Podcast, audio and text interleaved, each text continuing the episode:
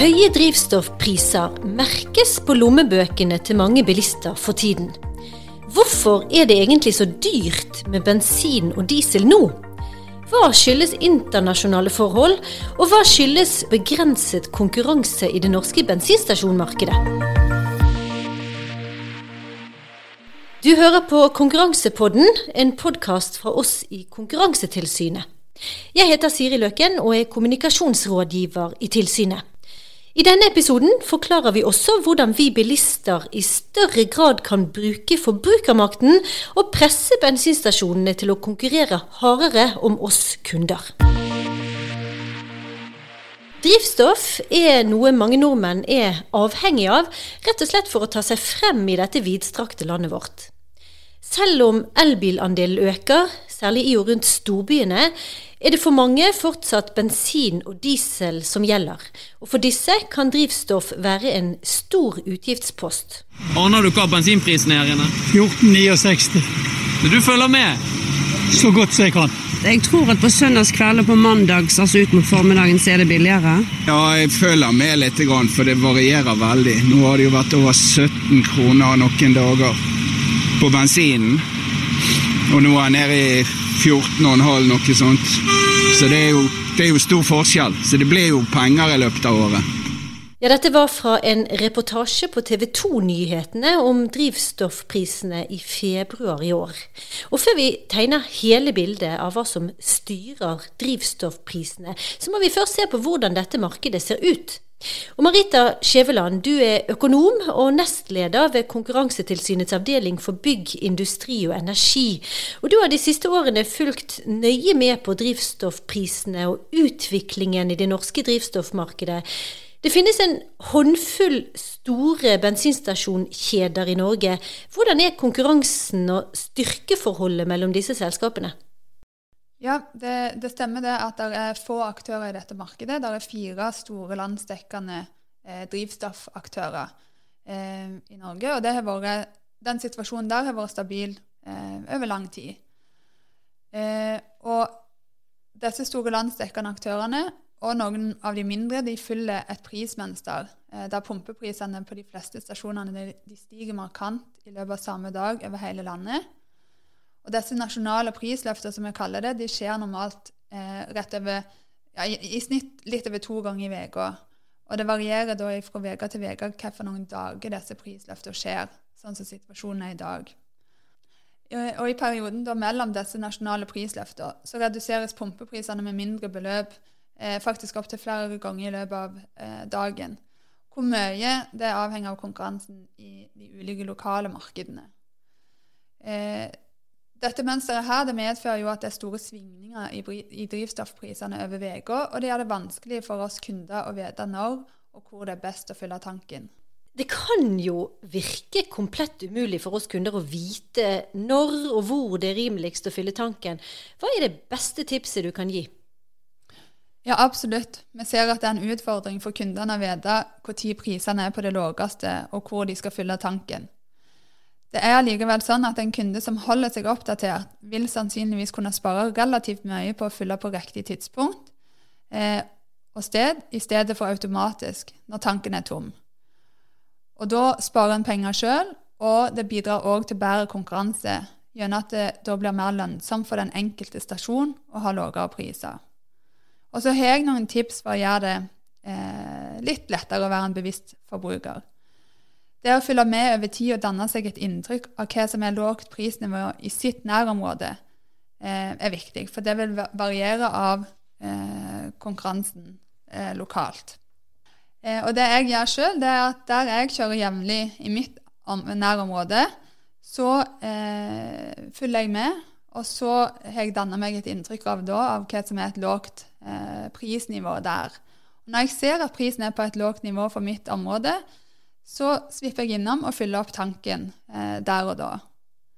Så er det òg sånn at på dager der prisene løftes, så tar det òg noen timer før alle stasjonene har økt prisene. Så da kan det òg være muligheter for å gjøre gode kjøp. Hvis en ser en stor prisøkning hos én stasjon fra en dag til en annen, så kan det lønne seg å sjekke litt rundt i nærområdet eh, om det er andre som ikke har rukket å sette opp prisen ennå. Og Det gjelder spesielt hvis du har en ubemanna stasjon i nærheten. For de setter jevnt eh, over opp prisene sist på disse dagene med prisløft.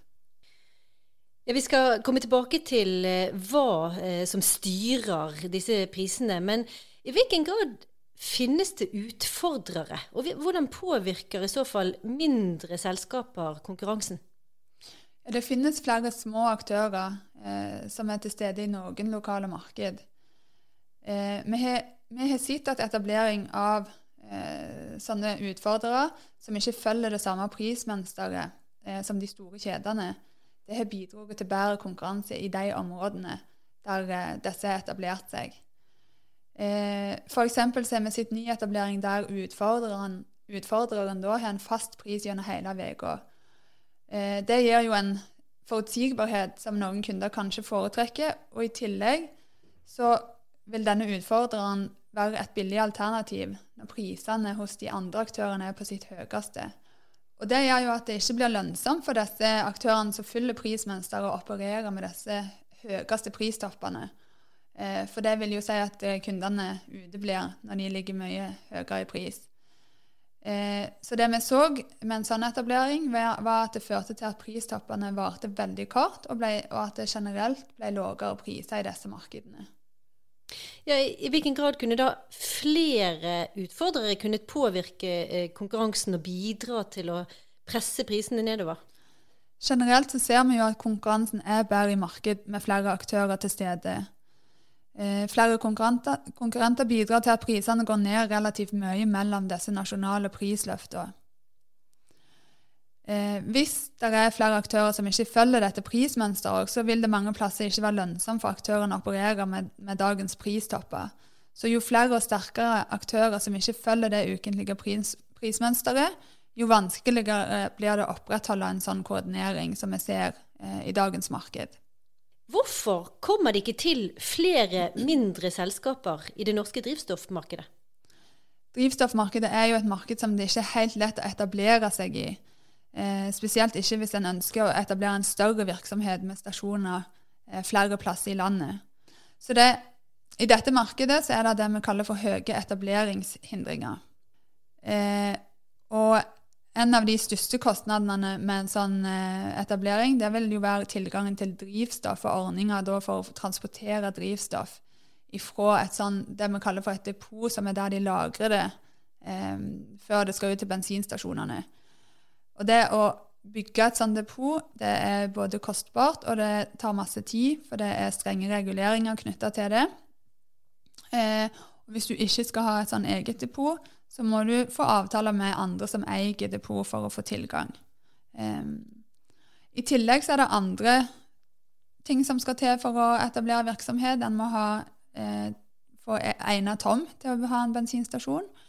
Og du må òg nok bruke en del eh, på markedsføring for å skape et eh, merkevarenavn. Hvordan er antall kjeder i Norge sammenlignet med andre land, f.eks. våre naboland? Ja, det man kan si er at Den situasjonen vi ser i Norge, er ikke spesiell. Eh, det er et konsentrert marked med få aktører og store aktører både i Sverige og Danmark òg. Og I tillegg så er dette med prissykluser det er heller ikke spesielt for, for det norske drivstoffmarkedet. Eh, det ser vi òg i flere andre land, f.eks. Danmark, Tyskland og Australia. Hva kan du si om hvordan vi i Konkurransetilsynet konkret følger med på drivstoffmarkedet? Drivstoffmarkedet er et viktig marked for forbrukeren, og vi ser at konkurransen ikke er så bra som den kunne vært. Og Derfor så har Konkurransetilsynet fulgt dette markedet tett i flere år.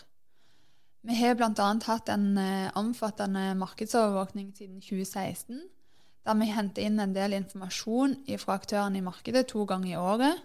Og da spesielt eh, f.eks. priser og salgsvolum. Dette gjør vi jo da for å kunne følge utviklingen i markedet.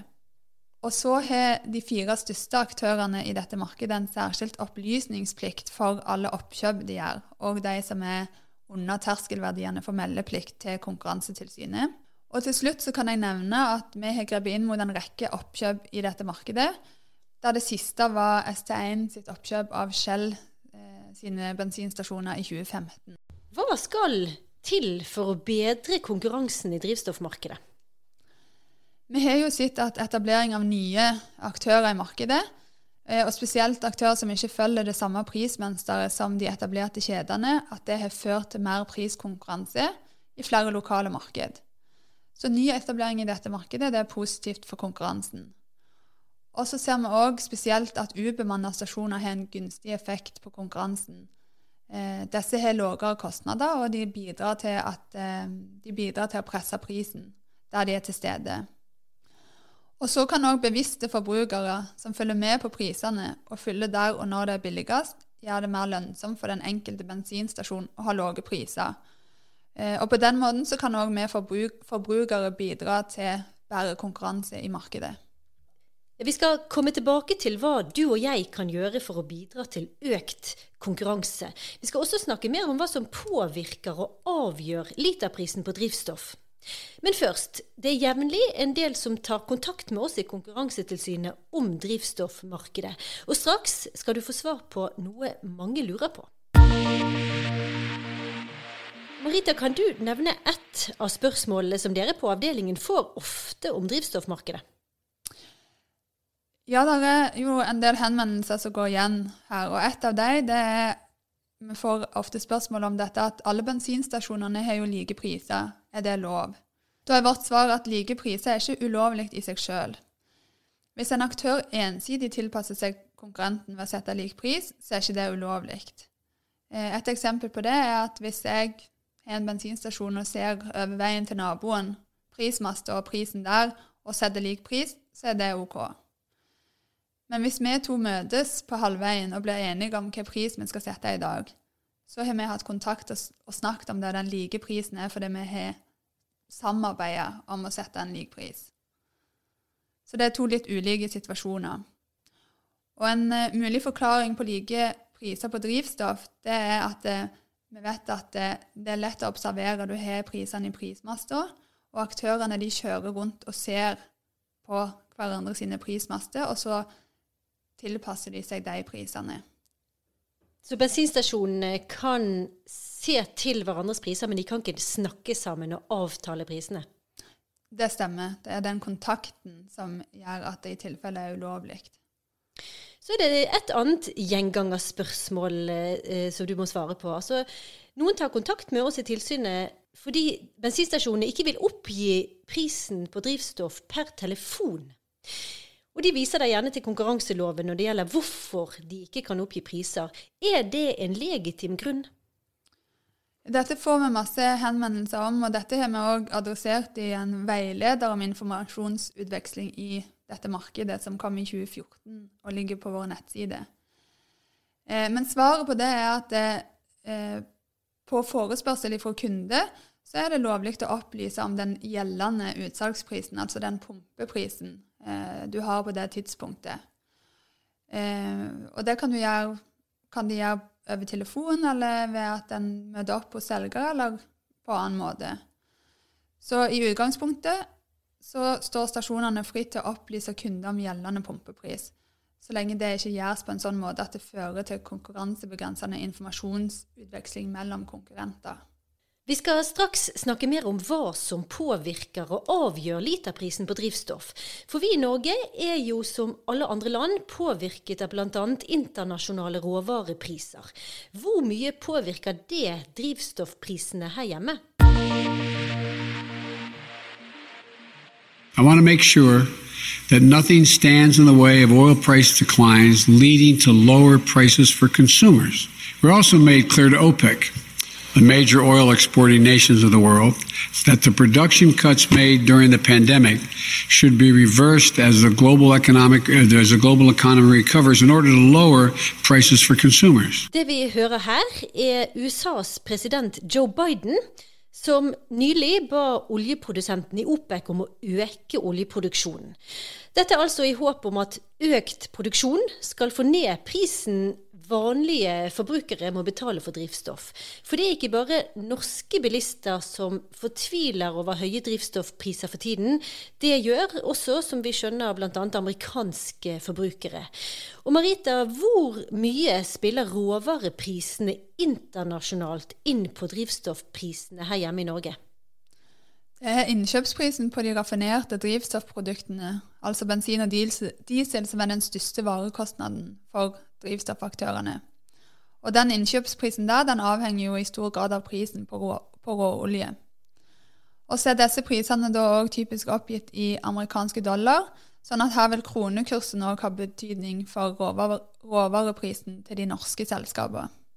Og dette er ikke noe norske bensinstasjonskjeder kan styre? Nei, I utgangspunktet så er det jo sånn at når råvareprisen internasjonalt øker, så vil det bidra til høyere innkjøpskostnader òg for de norske aktørene. Hvilke andre faktorer er det som påvirker hva norske kunder betaler for bensin og diesel? Da er det jo òg bl.a. transporten da, fram til den enkelte bensinstasjon. Og så er jo òg eh, avgift en stor del av prisen ut til kundene. Og størrelsen på den avgiften den bestemmes jo av Stortinget. Og I tillegg så legger selskapene på en eh, bruttomargin til slutt, som dekker deres andre kostnader, og som da går til deres fortjeneste. Hvilket rom har da norske bensinstasjonsselskaper til å tilby kundene sine lavere priser? Som sagt er det mye av nivået på pumpeprisen som er bestemt av varekostnadene og avgifter, som selskapene da ikke har kontroll over. Og så er det jo denne marginen som de legger på til slutt. da. Og vi ser jo noen indikasjoner på at det er rom for lavere priser mange plasser eh, og i mange perioder. Det skyldes bl.a. dette prismønsteret som vi observerer i markedet. Eh, vi ser jo at etter alle bensinstasjonene da har satt prisen kraftig opp til en ny topp, så begynner en, typisk å sette prisene ned igjen samme dag som prisløftet ble gjennomført, og det går gradvis nedover. Eh, og Det indikerer jo at bensinstasjonene store deler av tida har rom for å ha lavere priser enn det som står på masta. Og så ser vi jo òg at det stort sett er sånn at prisene går raskere og lenger ned Eh, i perioden mellom prisløft i de lokale markedene der det er flere aktører, i områder med ubemanna stasjoner, og der det er mindre kjeder som ikke følger prismønsteret. Altså i lokale områder med bedre konkurranse. Og Det indikerer jo òg at det kunne vært rom for lavere priser òg i andre områder, hvis konkurransen hadde vært mer velfungerende. Ja, Så det du sier her, det er rett og slett at det er viktig med lokal konkurranse? Ja, vi ser det at graden av lokal konkurranse har stor betydning. Eh, og hvis vi ser på ytterkantene, så kan eh, av hvor mye eh, lokal konkurranse kan presse ned prisen, så kan det være sånn at i et marked der det bare er én aktør til stede, så kan denne aktøren ligge på pristoppen eh, hele tida. Eh, mens i marked med flere aktører så kan vi observere opp mot tre kroner forskjell mellom pristopp og bunn. Det er altså mange forhold, ikke bare hjemlige, som spiller inn på drivstoffprisene. Men hvordan har prismønsteret endret seg med årene? Og er det noen spesielle dager det er lurest å fylle tanken? Oktober 2020 var en viktig milepæl i Konkurransetilsynets arbeid med drivstoffmarkedet. Tilsynet hadde etterforsket de to største drivstoffselskapene i Norge, Circle K og YX, pga. mistanke om at de samarbeidet om å fastsette drivstoffprisene. Disse selskapene hadde nemlig en praksis med å publisere listeprisene, altså de veiledende prisene, åpent på nettsidene sine. Selskapene selv var ikke enige i Konkurransetilsynets bekymring men forpliktet seg likevel til å slutte med denne publiseringen i et bindende vedtak. Og det at selskapene forpliktet seg til disse avhjelpende tiltakene, gjorde at tilsynet avsluttet etterforskningssaken. Og Marita, hvorfor var dette vedtaket så viktig for norske drivstoffkunder? Det er fordi at det kan føre til mer usikkerhet mellom aktørene i markedet, og på den måten så kan det bidra til eh, å legge til rette for bedre konkurranse framover. Og jeg kan eh, forklare det egentlig med å forklare hva vi var bekymra for med denne publiseringen. Eh, for Konkurransetilsynet var bekymra for at Circle K og YX sin publisering av drivstoffpriser på hjemmesidene sine at det kunne føre til høyere priser for kundene ved at det la til rette for parallelle pumpeprisløft, som var uforutsigbare for kundene. Eh, og det vi eh, da var bekymra for, var at denne publiseringen i realiteten fungerte som et signal til konkurrentene om når og til hvilket nivå eh, pumpeprisene skulle løftes. Og Det fungerte sånn at de dagene da det var prisløft, da publiserte Circle K en oppdatering av sin listepris eh, ca. klokka åtte. Og så publiserte YX da en oppdatert listepris i etterkant av dette på sin nettside, før begge aktørene da økte pumpeprisene klokka ti den dagen. Og andre aktører i bransjen, som òg følger dette prismønsteret, de fulgte etter i løpet av samme dag. Så publiseringen ga jo da altså informasjon til konkurrentene om når og til hvilket nivå pumpeprisene skulle løftes, og gjorde det dermed enkelt for aktørene å få til disse parallelle pumpeprisløftene. Og selskapene eh Circle K og IX de var ikke enig i tilsynets eh, bekymringer, men de foreslo likevel å avslutte denne praksisen? Ja, det stemmer. De var ikke enige, men, men de ville allikevel forplikte seg til å avslutte praksisen. Hva vet vi om hva denne endringen har ført til for drivstoffprisene? Det at Circle K og YX nå har slutta å publisere listepriser på sine hjemmesider, det gjør at aktørene i markedet ikke lenger på forhånd kan vite når og til hvilket nivå konkurrenter har planlagt å øke pumpeprisene. Så det gir jo mer usikkerhet mellom aktørene i markedet, og det betyr at nå må de følge med på de faktiske prisene til konkurrentene for å tilpasse seg disse. Og da kan det være en høyere risiko med å være den første til å sette opp prisen. Eh, for det kan ta lengre tid før konkurrentene følger etter. Men så vet vi jo òg at eh, de følger veldig godt med på hverandre i dette markedet, og bl.a. kjører rundt og observerer prisen i hverandre sine prismaster. Og Det gjør at det er mulig å få til en sånn koordinering med felles prisløft sjøl uten denne publiseringen. Eh, så det vi ser eh, av dataene vi har samla inn i ettertid, er at det er fortsatt et prismønster med nasjonale prisløft sånn i gjennomsnitt litt over to ganger i uka, og at disse prisløftene skjer eh, på ulike dager fra uke til uke. Det som er nytt fra slutten av 2020, er at det ser ut til å være et prisløft òg i løpet av helga. Og så ser vi noen tegn på eh, mulig økt usikkerhet ved at det er enkelte eh, aktører som bruker noe lengre tid på å tilpasse seg på disse prisløftdagene. Eh, at de setter opp prisene noe senere. Og det er en positiv utvikling. For det at det gir kunder som følger med, bedre anledning til å tilpasse seg og bidra til bedre konkurranse. Men du, frem til for noen år siden så uh, var det mye snakk om at bensinstasjonkjedene satte opp prisene mandager og torsdager. Og Hvor bra var dette prismønsteret for oss kunder, og hvorfor kom det egentlig en endring? Ja, dette var jo òg et prismønster der selskapet fikk til en sånn koordinering av prisløft eh, på de samme dagene. Eh, og der det òg i perioder da var rom for lavere priser enn det kundene måtte betale. Men så var det mønsteret mer forutsigbart for kundene, siden det skjedde på faste dager, mandag og torsdag, som du sa. Og da kunne jo kundene tilpasse seg ved å fylle på, det, på faste tidspunkt til relativt sett lave priser. Og det så vi òg at det var en del, ikke alle, men en del kunder som tilpassa seg dette over tid. Spesielt så var det flere og flere som fylte tanken søndag kveld eller mandag morgen. Men det at selskapene publiserte listeprisen, altså veiledende priser på sidene sine, det førte jo også til forutsigbarhet for oss kunder. Og kan man ikke tenke seg at det var noe positivt for det? Det er vår vurdering at den publiseringen av listepriser på nettet at det var lite nyttig for kundene. Listeprisen er ikke det samme som pumpeprisen eh, som vi kunder betaler. Og Publiseringen av listepris ga dermed ikke kundene informasjon om hva de måtte betale for å fylle på en gitt bensinstasjon. Så den ga altså ikke nyttig informasjon om nivået på pumpeprisen. Og I tillegg så ga det heller ikke nyttig informasjon om tidspunktet for disse prisløftene. Det er vanskelig for kundene å tilegne seg kunnskapen om den sammenhengen mellom oppdatering av listepris og pumpeprisen. Og selv om du som kunde hadde hatt den kunnskapen om det mønsteret, så ga det heller ikke særlig stor mulighet til å tilpasse seg dette, fordi det kun var en kort tidsrom mellom oppdateringen av listepris klokka åtte og den økningen som da kom klokka ti på den dagen.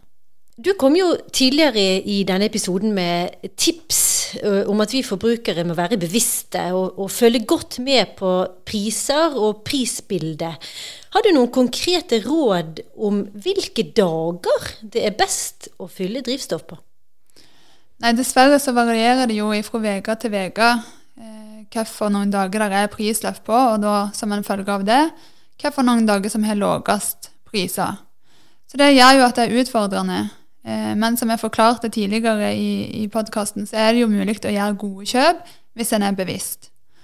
Hvis jeg skal si en ting konkret om det med dager, så tidligere så var det relativt trygt å handle eh, søndag kveld eller mandag morgen, for det var ikke sånne prisløft i løpet av helga.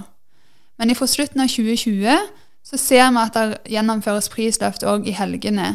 Eh, sånn at det, det betyr jo at det, nå må en være en bevisst forbruker og følge godt med, og i løpet av helga. Og det er altså en del man kan spare hvis man følger nøye med på prisen på stasjonene man passerer? Ja, vi ser jo at prisene kan variere opp mot tre kroner fra topp til bunn mange plasser. Så da kan en jo gjerne spare rundt 200 kroner på å fylle en 60 liters tank på rett tidspunkt og rett plass. Men i hvilken grad eh, kan det påvirke konkurransen at vi kunder er bevisste eh, når vi handler drivstoff? Vi kan påvirke til, til lavere priser gjennom å være bevisste. For hvis vi fyller, og hvis mange kunder fyller der og når det er lavest pris, så vil det være mer lønnsomt for den enkelte bensinstasjon å ha lave priser. Så dette er den beste måten vi forbrukere har til å påvirke konkurransen på en god måte.